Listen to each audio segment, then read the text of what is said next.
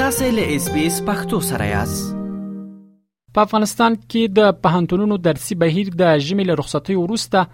د دغه هیواد په سړو سیمو کې پرون دوشنبه د روان کپ میاشتې په 15مه چې د مارچ میاشتې له شپږم سره برابر و پیل شول تموا چې په نوي تحصیلي کال کې به د جون او خوځو پر مخ هم د پهنټونونو دروازې پرانیستل شي مګر طالبانو یوازې د نارینه محصلینو لپاره د دې اجازه ورکړه چې په هنتونو ته لاړ شي طالبانو د روان کال د لندۍ میاشتې په وروستیو کې ټولو دولتي او خصوصي پانتونو ته مکتوب لیږلی وو چې تر بلې خبرتیا پورې د جنونو ته اجازه نه ورکوي ترڅو په هنتونو ته لاړ شي که څه هم هغه وخت د طالبانو د مکتوب دغه جملې او د دې ډلې د یو شمېر مسولانو وروستیو څرګندونو چې ګڼې ډېر ژر بعد د پهنټونونو دروازې د جنونو پر مخ خلاص شي خلک امیدواره کړي وو اما اوس چې په پهنتونونو کې یوازې د هلکانو لپاره درسي بهیر پیل شو یو شمېر خزینه محصلانی د طالبانو د پریکړه د خواشنی وړ بولی سیلی چې په کابل کې د یو خصوصي پهنتون د طب پوهنځي زده کړیاله ده او اوس مهال پهنتون ته د تک اجازه نه لري له اس بي اس رادیو سره په خبرو کې وویل له تیرو دریو میاشتو را پدې خو هم د شیبې ته انتظار وا چې د پهنتونونو دروازې به د جنونو پر مخ پرانستل شي او دوی به خپل زده کړو ته ادامه ورکړي خو دا چې اوس طالبانو یوازې د هلکانو پر مخ د پهنتونونو دروازې پرانیستلې د طالبانو د پریکړې دا او ډېر نور زده کړې اعلان ناهیلي کړې دي هغه له طالبانو وغوښتل چې د نجونو پر مخ د پهنتونونو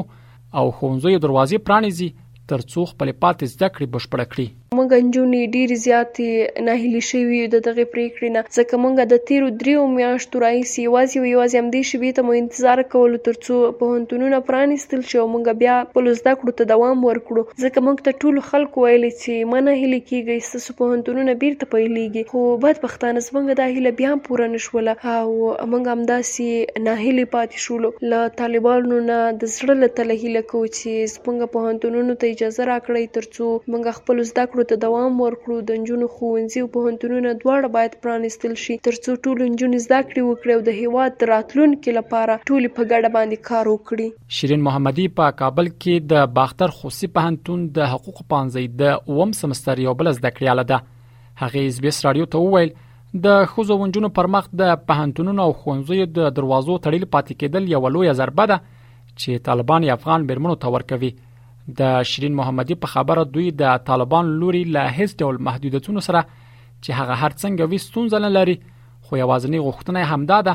چې د زده کړو دروازه باید د ټولو افغان مرمنو پر مخ خلاص شي نو موري له نړیوالو هم وغوښتل چې د افغان مرمنو ترڅنګ دی ودرېږي او د انجونو او خونځوي پر مخ دی د زده کړو دروازو په خلاصولو کې مرسته وکړي تر څو پورې د تعلیم دروازې تړل کېږي کله چې په یو هیواد کې غواړي چې یو څه لمنځه یوسي او دغه هیواد پرمختګ مخه ونیسي نو تعلیم دروازه ور باندې وتړه نو دا یو ډیر بد خبر دی زه خپل په کله چې می دا خبر واورید باور وکړ چې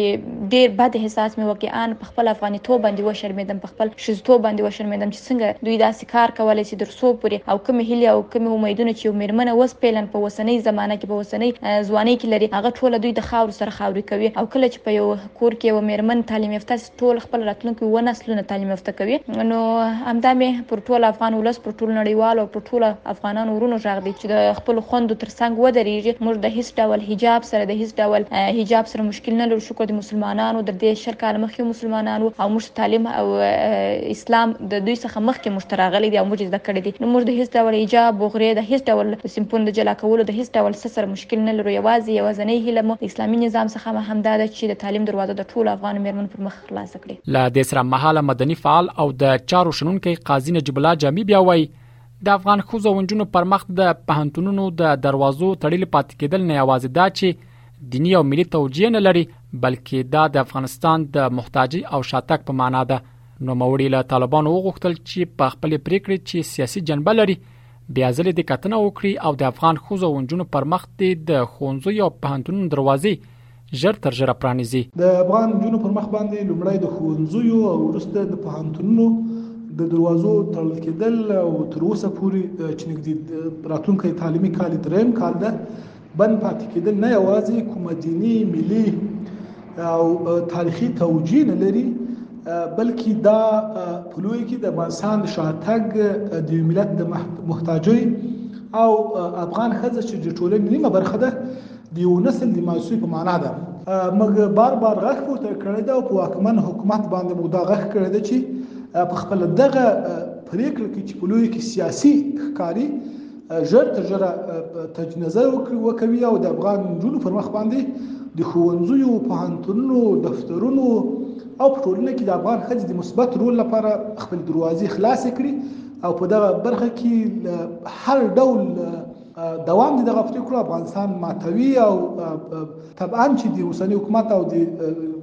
ملت ترمنځ ډیر واټن هم رامنځته کړی دی طالبانو د 2022م کال د دسمبر په وروستیو کې د نجونو لوړې زده کړې تر دویم اعلان پورې وځنډولې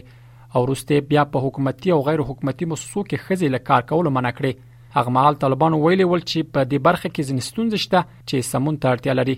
که څه هم د طالبانو د اقدامات په کوردن او نړیواله کچه له پراخ برګون سره مخامخ شول